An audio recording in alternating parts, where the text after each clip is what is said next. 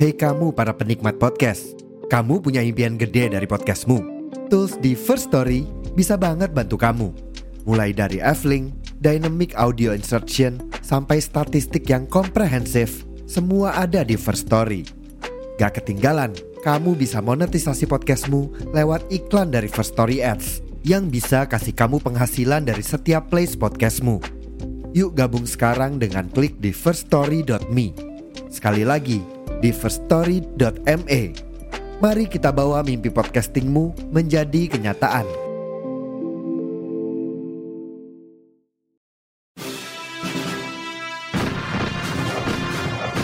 Saya berbicara di sini sebagai penyambung lidah rakyat Indonesia.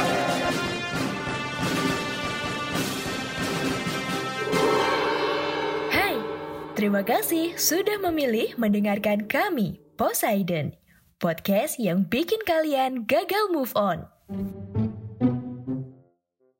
Halo, selamat datang di konten paling random podcast dari Indonesia di luar kelas. Tepatnya sedang tidak jelas bersama saya Garkananta. Minggu lalu, masyarakat Indonesia dihebohkan gara-gara nasi. Bukan karena harga beras naik ya, walaupun itu juga masalah sih. Tapi bukan itu. Nasi yang jadi rame di sini adalah porsi makan. Porsi makannya pengungsi lebih tepatnya. Jadi buat yang belum tahu, minggu lalu Indonesia kedatangan lagi gelombang pengungsi dari Rohingya. Ya, ini bukan pertama kali mereka datang ke sini. Yang kemudian jadi masalah adalah karena masyarakat lokal tempat mereka berlabuh ya, ini tuh menolak kedatangan para pengungsi ini. Soalnya riwayat kelakuan dan perilaku mereka itu tuh tidak terlalu bagus ternyata di sana. Setelah kemudian masalah ini selesai, muncullah sebuah pembahasan baru di masyarakat.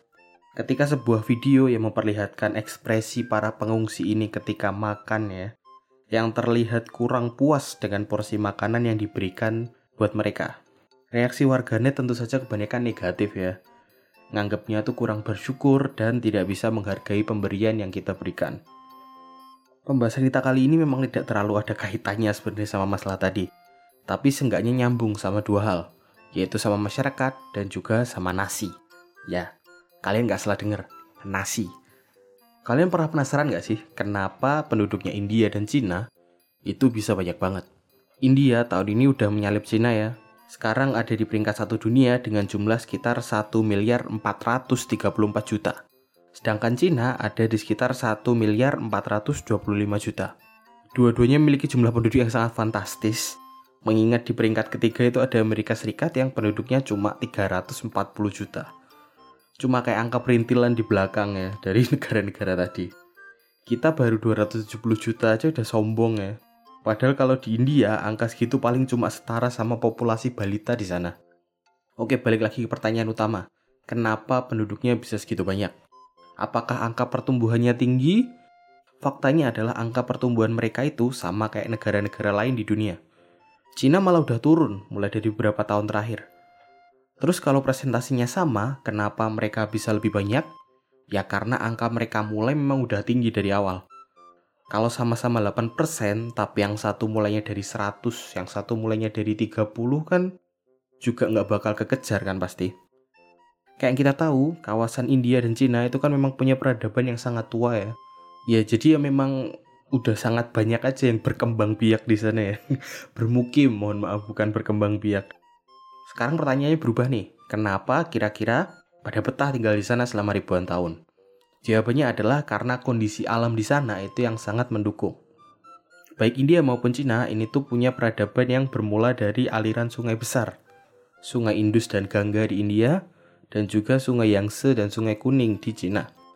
Selain sebagai pemenuh kebutuhan air bersih, sungai-sungai tadi juga dimanfaatkan buat pertanian, terus juga bisa jadi akses transportasi. Tanah di Asia, kecuali di beberapa daerah, itu memang cukup subur untuk bisa ditanami sampai beberapa kali dalam setahun. Bahkan beberapa jenis tanaman dan teknik pertanian itu asalnya dari Asia. Salah satunya adalah senjata rahasianya bangsa Asia ya, yaitu nasi. Mungkin kalian nggak terlalu sadar, tapi bukan cuma India dan Cina. Hampir semua mayoritas negara di Asia yang konsumsi nasi sehari-hari itu punya penduduk yang banyak. Walaupun negaranya kecil. Kayak Bangladesh misalnya, itu kan penduduknya sangat padat dan semuanya juga makan nasi. Padi ini adalah tanaman yang sebenarnya cukup rewel. Kalau perlu nanam sukses, mereka tuh perlu air dan juga perlu panas yang cukup. Itulah kenapa padi lebih sering ditemui di Asia. Karena tanah di sini lumayan subur ditanami, dan karena orang Asia lah yang menemukan teknik bertani padi di sawah basah. Jadi padinya bisa tumbuh secara maksimal di sini. Kalau memang repot, kenapa masih pada nanam padi? Karena kalau dibandingin sama keluarga tanaman-tanaman yang sejenis sama padi ya kayak gandum dan barley, padi ini tuh menghasilkan hasil yang lebih banyak per meter perseginya. Misal, di lahan yang sama-sama satu ekar, gandum ini memproduksi sekitar 4 juta kalori. Sementara padi, ini bisa dua kali lipatnya, lebih bahkan, sampai 11 juta kalori di lahan yang sama luasnya. Di sisi lain, sebenarnya lahan yang ditanami padi ini tuh juga perlu lebih banyak orang buat mengelolanya. Tapi hasilnya juga lebih banyak, jadi worth it. Akhirnya muncul siklus kayak gini. Butuh lebih banyak orang buat produksi padi yang lebih banyak. Beras yang dihasilkan dari padi tadi akhirnya juga bisa ngasih makan orang yang lebih banyak lagi. Gitu terus siklusnya. Kemungkinan besar istilah kayak banyak anak banyak rezeki ini tuh awalnya juga muncul dari kebutuhan orang buat ngurusin ladang tadi. Itulah kenapa sampai sekarang di India tuh penduduknya masih terus bertambah.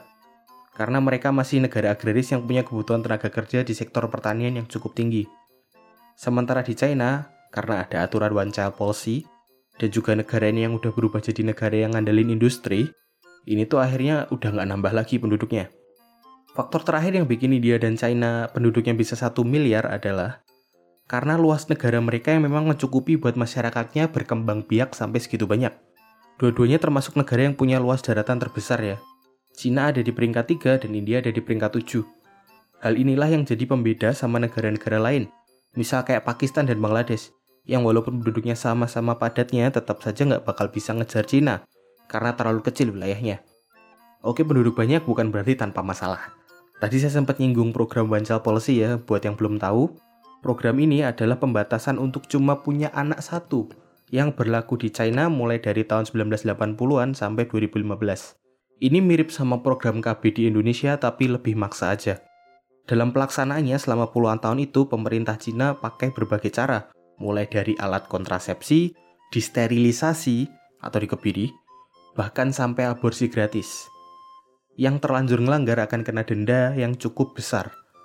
Aturan ini tuh sangat sukses, sampai-sampai angka kelahiran di sana tuh terjun bebas dan bikin pemerintah di Cina masa kini ya, masa sekarang ini tuh sangat kelabakan karena warganya terus berkurang bukannya bertambah. Efek sampingnya bukan cuma di situ.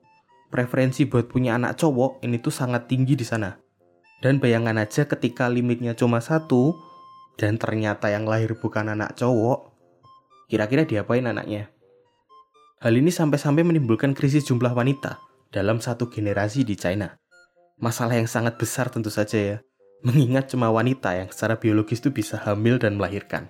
India juga nggak lepas dari banyak masalah kependudukan ya, kayak kita tahu masalah pemerataan ekonomi, masalah pendidikan, masalah kesehatan itu jelas mereka belum bisa nyelesain. Apalagi satu masalah yang harusnya jadi paling simpel ya buat kehidupan kayak masalah kebersihan aja mereka nggak bakal kayak nggak ada solusinya gitu di sana. Sampai-sampai saya udah bosen ya nonton video orang India masak gitu, ngopok-ngopok makanan sampai masuk selengan-lengannya. Gimana menurut kalian? Perlukah penduduk Indonesia sampai 1 miliar? Silahkan tulis pendapat kalian di kolom Q&A atau kolom komentar, sesuai dengan platform tempat kalian mendengarkan. Ya episode ini agak singkat ya kali ini dan agak acak-acakan, mohon maaf. Karena saya sedang banyak kesibukan memang. Jadi mohon maaf sekali lagi kalau episode kali ini agak beda. Terima kasih udah dengerin sampai habis. Kalau punya kritik, saran atau ada ide bahasan, silahkan dikirim ke Instagram Poseidon di @podcast underscore secara Indonesia. Atau ke Instagram pribadi saya di @rotikecap. Jika ada kesalahan, saya mohon maaf sebesar-besarnya. Saya Egar Kananta pamit. Sampai bertemu di konten Poseidon yang lainnya. Bye-bye.